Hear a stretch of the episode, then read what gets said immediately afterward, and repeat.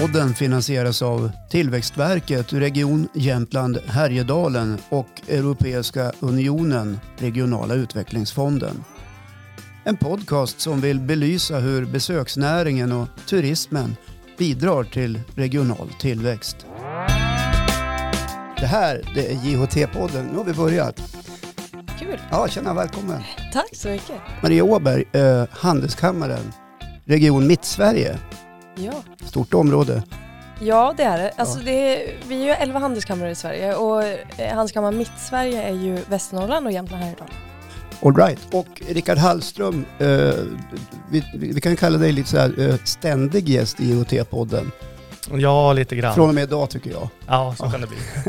Du är ju projektledare på Jämtland Härjedalen Turism och för det här projektet som driver den här podcasten bland annat.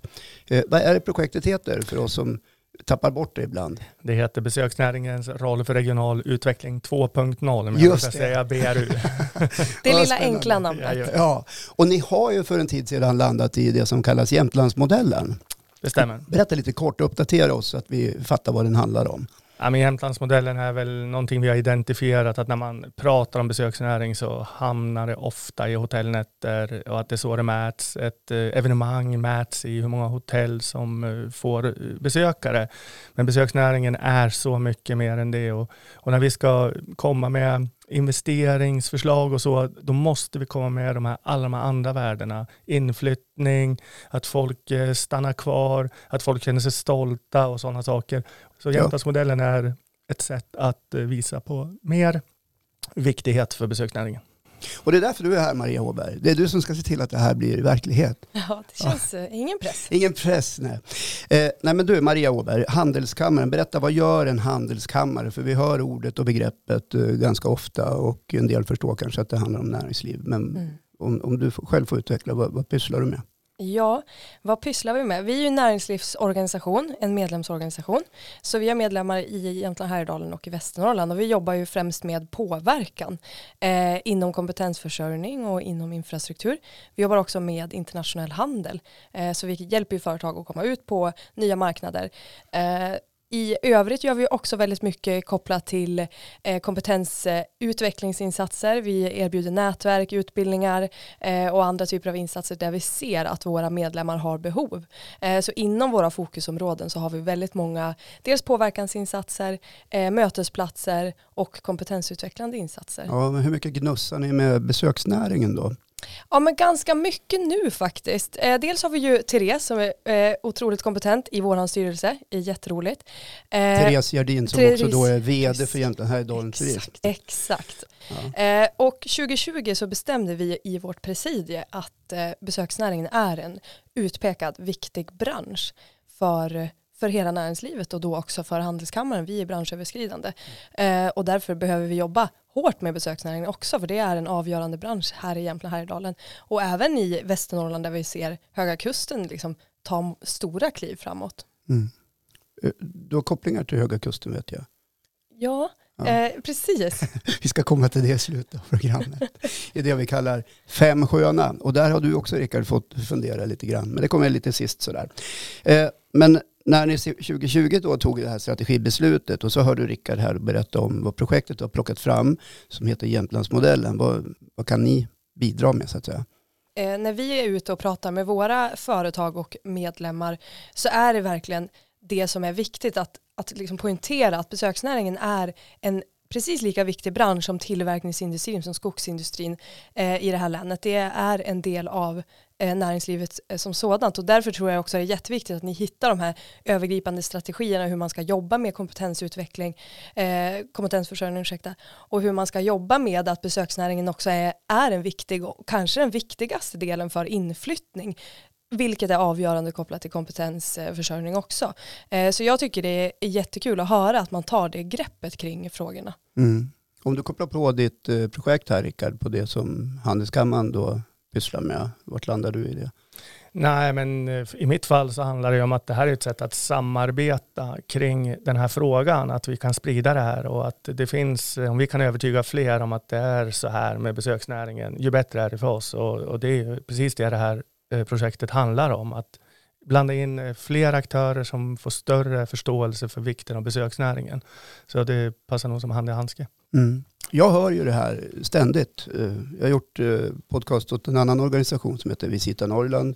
Eh, jag har gjort ett 40-tal avsnitt. Jag har gjort poddar åt JHT under, under en lång tid och hela tiden så kom, återkommer det här att besöksnäringen eh, inte tas riktigt på allvar som en riktigt rejäl basnäring. Man trummar ut det här budskapet hela tiden. Och vad är det som gör att, eh, att man fastnar i det här och inte kliver vidare? Liksom? Det är ju en bransch precis som alla andra branscher.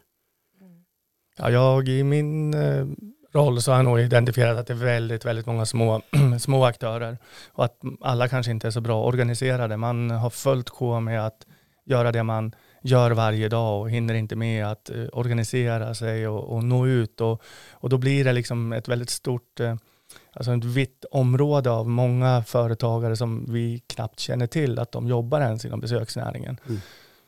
Mm. Håller du med om den bilden, Maria? Verkligen.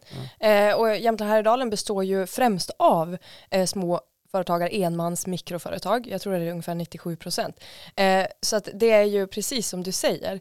Eh, men det är också där jobben liksom skapas. Det är också där man bygger en attraktiv plats att vara på. Och det är också där som eh, de här personerna som liksom intresserar sig för den här platsen eh, kanske också stannar kvar eh, och eh, ja, men, blir bofast i området och kanske börjar betala skatt i regionen. Eh, så att det är ju en jätte, jätteviktig bransch och jag, jag tror som du säger att det handlar mycket om att vi har, det, har, det är liksom små enmansföretag, man har sin verksamhet och man är väldigt fokuserad i i vardagen här och nu. Vi pratade mycket om det när vi var på en utbytesresa, en kunskapsresa till Gotland. Eh, och då pratade vi mycket om det, så här, vart, vart någonstans går här, gränsen för besöksnäringen och väldigt många jobbar ju på ett eller annat sätt i besöksnäringen. Eh, och det är det som gör den så också intressant och komplex i, i jämförelse med kanske andra mer klassiska som, som du nämnde just mm. tillverkningsindustrin eller sådär. Nej, men hur ska vi få alla att börja tänka så här då? Rickard, är det du som ska fixa det här i projektet? Ja, men lite. Vi jobbar ju att eh, leverera någonting som ska ta det här vidare och jag kan väl ta jämfört med andra eh, olika näringar där man det känns som man har färdiga beräkningsmodeller för om vi startar en fabrik med 50 anställda då kommer det att leda till så här och så här. Det finns färdiga beräkningsmodeller.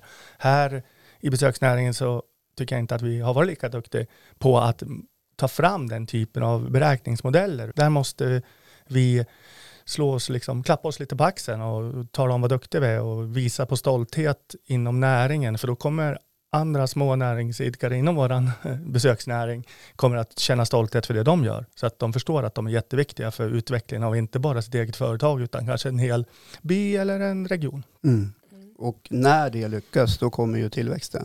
Mm. Ja. Precis. Ofta när vi hör om etableringar, exempel på, då, då är begrepp som 200 arbetstillfällen, x antal miljarder som ska investeras och så vidare.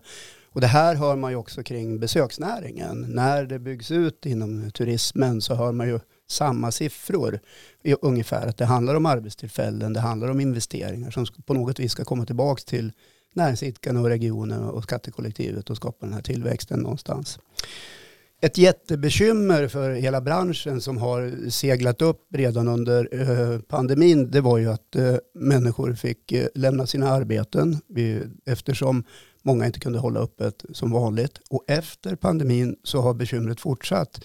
Kompetensförsörjningen inom branscherna är oerhört tuff att få till. Det är svårt att hitta personal helt enkelt på ren svenska. Eh, ska, hur ska man tackla det här bekymret om man har en bransch som vill fortsätta växa i en region som Jämtland Härjedalen? Och det här är ju en sån här 10 000 kronors fråga. Det fattar jag också. Men tankar, idéer, funderingar? Ja, till att börja med så tror jag det handlar om att alla måste ta sitt egna ansvar att vara en attraktiv arbetsgivare eh, och också kollektivt tillsammans i branschen att utveckla ryktet. Eh, det, nu kanske vissa delar inom besöksnäringen är ju väldigt, väldigt attraktiv. Vissa delar eh, är ju fortfarande ja, men ganska svartmålad att exempelvis jobba inom restaurang i, så har ju många en, en bild av vad det krävs av en att det kanske inte är de arbetsvillkoren som man uppskattar. Eh, det, ja, men det krävs väldigt mycket av enskilda arbetsgivare att ta det ansvaret. Att fundera på så, vad behöver vi vara för typ av arbetsgivare för att vi ska nå våra mål eller finnas till på den orten som vi finns till på. Så det tror jag är liksom det allra, allra första. Sen handlar det också väldigt mycket om att som företagare och bransch fundera på behöver vi koppla på och jobba ännu mer mot våra utbildningar som vi har. Hur rekryterar vi? Det tycker jag är jätteintressant. Jag funderade jättemycket på det efter vi var på Gotland. Hur, hur ah, rekryterar man från de här utbildningarna vi faktiskt har eh, på, eh, på Jämtlands gymnasium till exempel på Mittuniversitetet. Eh, I branschen idag är det ju liksom ett moment 22. Man behöver ju ha folk nu och tar egentligen folk som man hittar. Men behöver vi vara mer strategisk och faktiskt använda och liksom, så att man har någon fördel så att säga när man, om man läser de här utbildningarna kopplat till branschen eh, för att också branschen eh, eller utbildningarna ska liksom finnas till framöver och ha ett ökat inflöde så tror jag också företagarna behöver ta sig en funderare hur man använder sig av den kompetensen som faktiskt pumpas ut från de utbildningarna vi har. Mm. Det tror jag också är jätteviktigt. Håller du med Rickard? Ja, absolut. Och en annan utmaning det är ju det här med karriärmöjligheter eftersom det består ganska ofta av eh, små företag. Så vi hade till exempel på Gotland ett ett exempel på en hotelldirektör, hon ägde hotellet, som sa att det är ganska svårt för mig för att få in folk att jobba i receptionen, men nästa steg där inom mitt företag, det är ju vd och det är ju jag. Så att eh, det är inte, och det kommer inte att bli av förrän jag säljer. Mm. Så att eh, det, det är liksom, i små företag så är det inte alltid lätt att hitta de här karriärutvecklingen, utan så det är också en utmaning tror jag. Mm. Mm. Och, och jag tror där att vi ska fundera lite grann hur vi hanterar den framtida arbetskraften. För jag tror att vi har extrema förutfattade meningar om dagens ungdom. Och faktiskt är det så att vi har ungdomar som är på väg ut på arbetsmarknaden nu som det de liksom prioriterar allra högst det är en trygg eh, anställning och en arbetsgivare som faktiskt bidrar till ett bättre samhälle. Och det handlar inte alltid om vilken roll man har, att man ska bli chef eller så, utan det handlar om att man själv känner sig tillfredsställd på sin arbetsplats. Och där tror jag att småföretagarna ska utnyttja det, att man är snabbfotade, att man kan möjliggöra för arbetskraften att faktiskt få vara en del av beslut, att man får vara med och utveckla företaget, inte specifikt att man måste liksom ha en utspikad Eh, karriärväg som riktar sig till toppen som oftast är liksom ägaren eh, och den som har startat företaget och mm. då måste det innebära att den personen ska sälja. Liksom. Eh, så det tror jag att man kan använda sig mycket av att eh, bli ett kollektiv i organisationen. Hur kan vi tillsammans bygga det här och få våra medarbetare att vara engagerade i den resan så tror jag att vi kommer kunna ha väldigt engagerade medarbetare. Landar det här på to-do-list på Jämtlandsmodellen tror du? Ja, eller vi har ju jobbat lite grann med, vi har ett annat projekt då, eh, Morgondagens medarbetare som har tagit fram mycket kring den här typen av utbildningar och man tittar mycket på de här frågorna och även eh, det vi pratar om att man har identifierat vad är att jobba inom besöksnäringen. Man har tagit fram hundra yrken mm. som är inom besöksnäringen och det är jättelätt för oss att, att prata om att vara servitör eller att stå i en hotellreception men eh, även en del att vara, är du bilmekaniker i Östersund så har du en hel del med besöksnäringen att göra under juli månad skulle jag säga. Ja, för då kommer norrmännen med sina bilar och vill repa dem eftersom det är så dyrt i Norge. Exakt. Ja. Smart. Eh, det vi pratar om här är ju lite grann att höja en, en eh, om jag generaliserar lite grovt då, eh, att höja en status inom ett yrke eh, där man slutar att betrakta det här som ett tillfälligt arbete eller ett påhugg under en tid. Inom branschen så handlar det mycket om ett moment 22, precis det du säger att man kanske som arbetsgivare också måste börja eh, se sin arbetskraft som väldigt viktig resurs den viktigaste resursen egentligen för företaget. Eh, och vi har ju goda exempel på restauranger, på, på företag inom besöksnäringen där eh, man utvecklar det till en produkt som blir väldigt unik och den här produkten stannar kvar på marknaden. Vi hade ju under pandemin ganska många som liksom dog ut på något sätt och de som står kvar är ju otroligt starka och kliver man in på ett sånt ställe så känner man ju att oberoende om det är ägaren eller om det är en medarbetare så känns det som att alla ändå signalerar någon form av gemensam kultur och stolthet i den produkten eller tjänsten som, som erbjuds. Så det tror jag att man ska jobba med. Att eh, medarbetarna är den viktiga resursen. Eh, hur, vilken kultur ska vi bygga? Hur kan jag använda mig av mina medarbetare för att nå våra mål? Att faktiskt ha en plan för att vara en attraktiv arbetsgivare. Vilken typ av arbetsgivare vill vi vara? Och hur kan vi utnyttja det till att bygga vår, eller nå det målet vi har i företaget. Eh, jag tror också det är viktigt att eh, det handlar om att man har ett ett ledarskap, eh, en kultur, en, att man bygger en plats som folk vill vara på tillsammans med att man har mer liksom, hårda värden som man erbjuder till, till medarbetarna. Det mm. tror jag också är jätteviktigt. Hur ska vi knyta ihop uh, Jämtlandsmodellen och den här organisationen, Handelskammaren, Rickard, för att uh, få ännu mera fart på? Ja, men eh, det jag tyckte var intressant med den här utbytesresan till Gotland som vi har pratat om, det var att vi var ju tolv stycken från Jämtland, Härjedalen som åkte till Gotland för att utbyta erfarenheter. För vi har ganska mycket likheter med dem, även fast de egentligen är inverterade. För de är sommaren, de, är en, de kallar oss för en ö i skogen och, mm. och vi tycker att de är ett Jämtland ute i havet. Så, och vi har ganska liknande bekymmer. Och den här typen av utbyte när vi inte bara åker inom besöksnäringen utan vi åker, vi tar med även eh, handelskammaren och så, då får vi en mycket större bredd i vår kunskap kring det här och vi får mer nätverk, större nätverk och jobba med de här frågorna. Och precis det som hon säger är ju att jag tänker att de, först måste ju hela besöksnäringen bli stolt över att vara besöksnäring. Alltså det måste också komma uppifrån på något sätt så att alla som ingår i besöksnäringen ska känna stolthet över vad i sitt företag. Och då kanske man kan få företagen att få medarbetarna att känna stolthet för det här. Mm.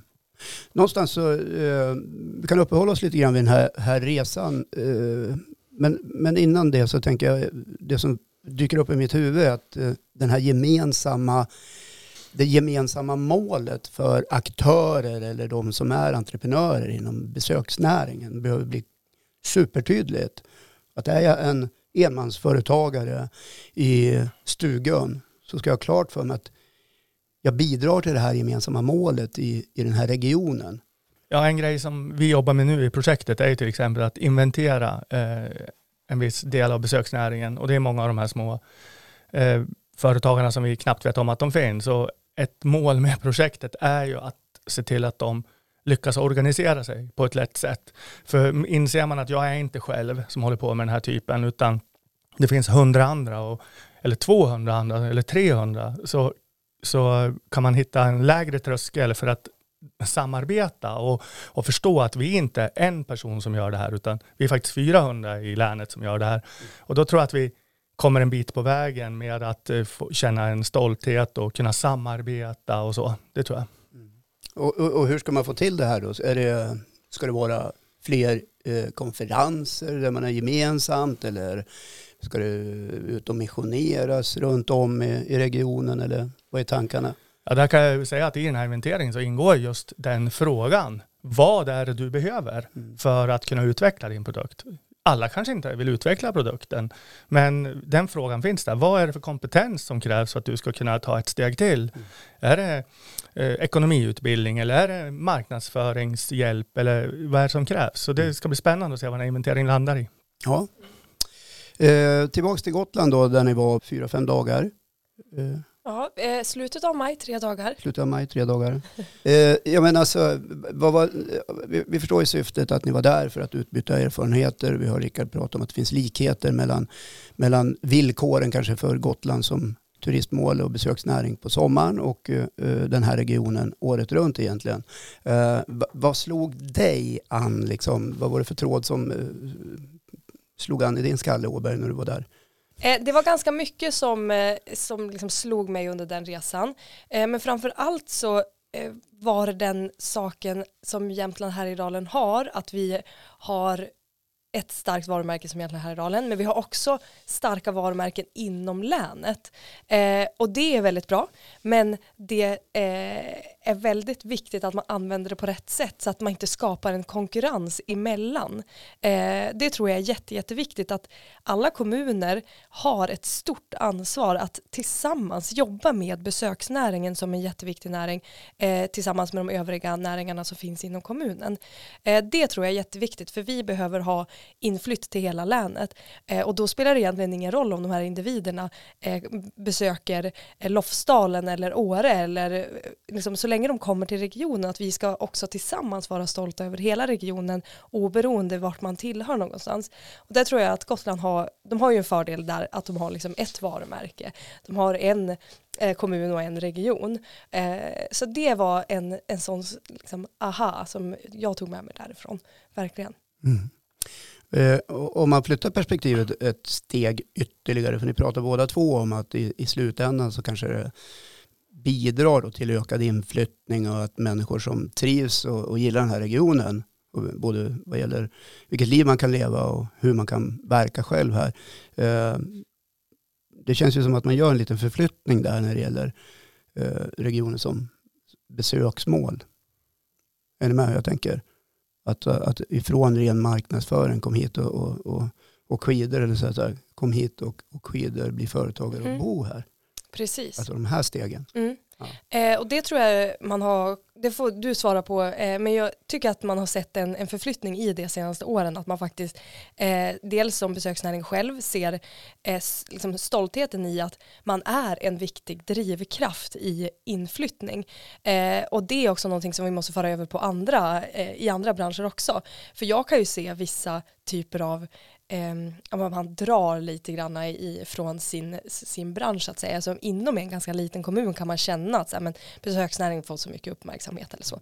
Men det som är viktigt är att alla måste förstå att besöksnäringen är avgörande för inflyttning för att det är liksom genom den kanalen vi har en, en stor eh, förflyttning från bara att man besöker till att man faktiskt blir bofast och kanske börja arbeta på den här industrin som finns på orten. Eh, och de, är, de skriker efter arbetskraft också. Eh, så jag tror att man måste liksom omfamna det. Eh, och absolut, det har skett en förflyttning senaste åren. Eh, men det behövs eh, utvecklas ännu mer och skapa en förståelse för faktiskt vad besöksnäringen bidrar till i form av tillväxt. Mm. Jag tycker man kan se det i Jämtland Calling till exempel och de här eh, exemplen som vi har lyft tidigare i, i den här podcasten. Eh, vart landar vi i det här avsnittet tycker du Rickard när det, när det handlar om projektet? Eh, hur känner du? Ja, men jag känner väl att för mig handlar det ju mycket om att andra aktörer också förstår besöksnäringens roll. Det är ju viktigt. Men sen också att öppna dörrarna för att kunna samarbeta mer. Och det finns mycket kompetens på JOT och kring JOT som vi gärna bidrar med till andra aktörer och det, därför vill vi bygga det här nätverket. Det är mm. inte svårare än så. Så kopplar vi på då er från Handelskammaren. Är, ni, har ju, ni är ju en organisation med tyngd, det mm. får vi ju säga. Ni finns över hela landet och, och, du är den som basar över det här området. Uh, du nämnde påverkansarbete här lite grann. Mm. Uh, ska vi ta några ord om det? För då börjar vi prata om lobbying och påverka beslut och sådana här saker. Uh, som politikerna måste ta vi, eh, ja men absolut. Eh, jag ska bara poängtera, vi eh, Handelskammaren Mitt-Sverige är ju verksam i båda de här två länen och är helt fristående mot övriga. Men vi delar varumärke och det är det som blir så himla starkt. Mm. Eh, men kopplat till påverkan så eh, kring besöksnäringen så tog vi ett beslut 2020 eh, som jag sa att det här är en viktig bransch. Det vi gör nu i kom, kopplat till kompetensförsörjning, vi jobbar med ett projekt som heter Framtidsvalet där vi under de senaste två och ett halvt åren har varit ute och föreläst i skolor på högstadiet och på gymnasiet eh, i arbetsmarknadskunskap i att visa på ungdomarna var, vart jobben finns, hur ska man ta sig dit, vad är det som krävs utav en. Och där kommer vi nu inom nästa projektperiod även ha med besöksnäringen som en eh, utpekad bransch tillsammans med eh, teknik och vård. Och det är ett sätt att eh, liksom tydliggöra vikten av branschen, att få våra ungdomar att förstå vilka möjligheter som finns i länet inom besöksnäringen. Vilka karriärmöjligheter, vad är det som krävs av mig för att jag ska ta mig dit? Eh, och det är ett sånt sätt för oss kopplat till påverkan att faktiskt eh, få, få, att vi kan bidra med, med den delen i, eh, inom liksom, frågan. Mm. Vad säger du Rickard? Nej, men jag har jobbat som lärare och eh, med studievägledning på en gymnasieskola. Så jag kan ju bara säga att eh, där märker man ju hur få yrken som är kända. Det är liksom, man tänker sig i den åldern att det finns typ tio yrken. Antingen så blir jag läkare eller advokat eller jobbar på bank eller så kör jag lastbil. Eller, det är väldigt så här. Och så försöker man beskriva för dem hur otroligt många yrken som finns där ute som de inte har en aning om. Och, och, det, och där tänker jag att det här kan ju vara jättebra. Det är kanske är lätt att tänka då som gymnasieelev eller högstadieelev att besöksnäringen, ja men det är att, eh, att eh, hålla liften i, i, i Åre liksom, eller stå i en hotellreception. Om man förstår vilken otrolig mängd yrken som finns inom besöksnäringen så tror jag att det kan vara, det stärker ju varumärket. Mm. mm. Ja, och eh, när vi eh, också jobbar med de här frågorna så vi har ju, eh, nu har vi oh, nu ska jag säga rätt här nu. Eh, vi har eh, sex av åtta kommuner med i projektet nu eh, som finansierar det här tillsammans med Region Jämtland Härjedalen och inom nästa projektperiod så kommer vi förhoppningsvis ha alla kommuner med som finansierar tillsammans med regionen. Och det är ju också ett, ett tydligt statement från deras sida, våra beslutsfattare, att det här är en viktig fråga och att vi kan vara med och påverka ungdomarna från, från start. Och vi kommer också eh, träffa ungdomarna redan i årskurs fem. Eh, för här ser vi att vi måste påverka dem ännu tidigare. De får ganska tydliga förutfattade meningar när de bara kommer upp eh, i högstadiet. Så att vi kommer träffa dem redan i årskurs fem och det är en gemensam, ett gemensamt beslut från alla medfinansiärer. Ja, så påverkansarbetet måste börja tidigt i åldrarna. Ja, ja. exakt. Ja, jag vill också förtydliga att just Jämtlandsmodellen är ju det vi tänker om när det är klart. Det är ett, ett verkligt starkt påverkansverktyg åt, åt alla håll och kanter där man verkligen liksom får ett kit eller man ska säga en väldigt tydlig bild som man kan använda till all möjlig påverkan. Det är det som är egentligen eh, ett av de stora syftena med Jämtlandsmodellen, att få ett, eh, ett slagträ att, eh, att använda mot mot eh, när man ska söka finansiering eller när man ska jobba för bättre infrastruktur eller nya utbildningar eller förlänga utbildningar. Det, så alltså det är, det är liksom ett av grundsyftena med hela Jämtlandsmodellen. Hörrni, vi ska ta och runda av här. Eh, och eh, förra avsnittet så införde vi en, en, en, ny grej som jag tycker är skön. Den heter Fem sköna. Och i Fem sköna så får man liksom lista själv. Och den här gången tänkte jag att vi skulle ta och lista vad man helst gör eh, på sin egen semester. Och det här har ju du fått veta eh, tidigare Maria Åberg. Ja, jag är lite förberedd. Att, jag hoppas att du är lite förberedd. Och här behöver man liksom inte tänka på att man trampar på någon öm tå tycker jag, utan varje semester för ens egen person kan ju vara unik. Och då är det så. Så, vart landar du på fem sköna? Vad gör du helst på din semester om du får välja? Ja, ja, ja, nu ska jag gå på semester nästa vecka och jag är väldigt laddad. Det var ja. tufft att komma tillbaka från en midsommarhelg och mm. börja jobba igår. Eh, liten passus. Eh, vad gör jag? jag? Det tyckte vi alla tror jag. Ja, jag, det, det, känns skönt. Ja. Eh, jag gillar ju att inte planera saker. Så att vad jag gärna inte gör det är ju att ha jättemycket planer.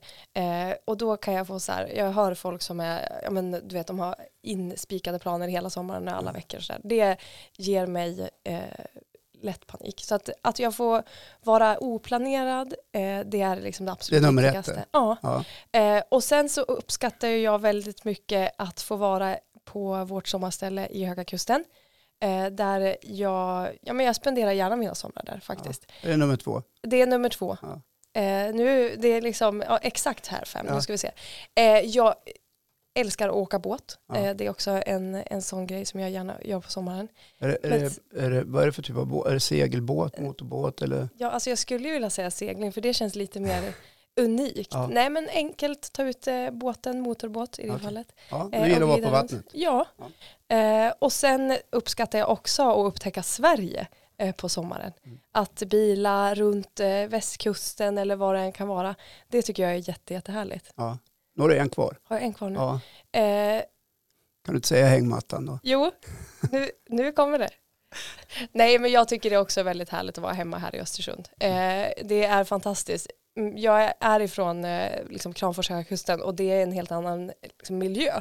Men att få sitta hemma och titta ut över sjön och fjällen det finns ju egentligen ingenting som slår det. Så jag tycker det är fantastiskt att bara få vara hemma och, och ligga i hängmattan Där har vi det. Bra. Nu kom den. Jag gillar särskilt den där icke-planeringshistorien med Ja, att eh, bara ta det som det kommer lite grann. det är ganska härligt En faktiskt. del fläsk har ju på hela almanackan full, dagarna full. Det är som att gå på jobbet igen. Rickard, du har fått samma uppdrag med Femsjöarna och du, när du kom in här innan vi spelade in så, så muttrade du lite grann. Ja, Femsjöarna, hur ska jag hantera det här nu då? Så hur blev det?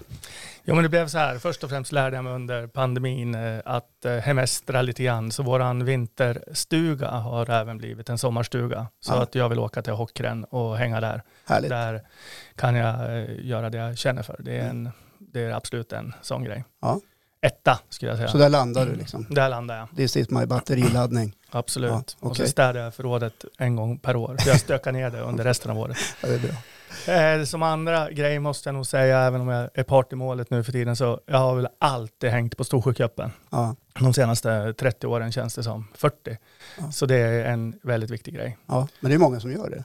Ja, Så du är absolut. inte ensam Nej, kring det. eh, så är det. Ja. Eh, det tredje ska jag nog säga det är att jag läser väldigt mycket. Det är en grej och det har jag sällan ro till eh, om inte det är på semestern. Så det, jag kan nog klämma en bok om dagen när jag är på det humöret. Och jäklar. Eh, ja, Vad så- har du någon speciell teknik? För en bok om dagen är ju tufft. Eller? ja, jag slarvläser lite grann. Ah, Okej. Annars kan jag tipsa om att lyssna på ljudbok eh, två gånger hastigheten för där, då klämmer man en bok ganska snabbt. Vi har så lite tid idag. eller läs extra långsamt. Okej, men du gillar att läsa. Jajamän. Ja, fakta eller allt möjligt. Ja, det är mest, eh, jag läser deckare Ja. och sånt där. Okej. Ja, fiction, Ja. alltså komma Ja. bort från verkligheten. Ja, det är bra. Och så är det fjärde då. Ja, eh, även fast jag nu är projektledare på IoT så har vi goda vänner som håller till ute på Spikarna utanför Sundsvall som jag tycker är paradiset på jorden. Spikarna. Ja, det är en liten, liten ö ute på Alnön eh, som ser ut som ett fiskeläge. Mm. Och där eh, brukar vi alltid spendera tre till sex dagar varje sommar och Ja. bara njuta. Det är lite saltkråkan över det. Ja, vad härligt. Mm. Och den sista då? Får jag chansen här i stan att en fin dag åka ut och åka båt på Storsjön, om det så är Tomé eller med någon motorbåt eller så, Mm. så är det någonting jag alltid ser fram emot. Har du egen båt? Det har jag med i stugan. Okej. Och ni som har båt då i Storsjön ringer Rickard på telefonnummer bla bla bla bla och eh, ta med er Maria också och dra ut på sjön. Jag följer med. Ja, sådär. Tack så mycket för att ni kom hit. Tack så jättemycket och har det fantastiskt. eh, Nu ska du till Kroatien i helgen. Ja, jag ska det. Ska Gud vad härligt. faktiskt inte hemestra. En Inte? vecka ska jag åka iväg. Ja men du får ha det så bra. Tack, så Tack. jättemycket för, för att jag fick vara med. Ja. Ja, kul.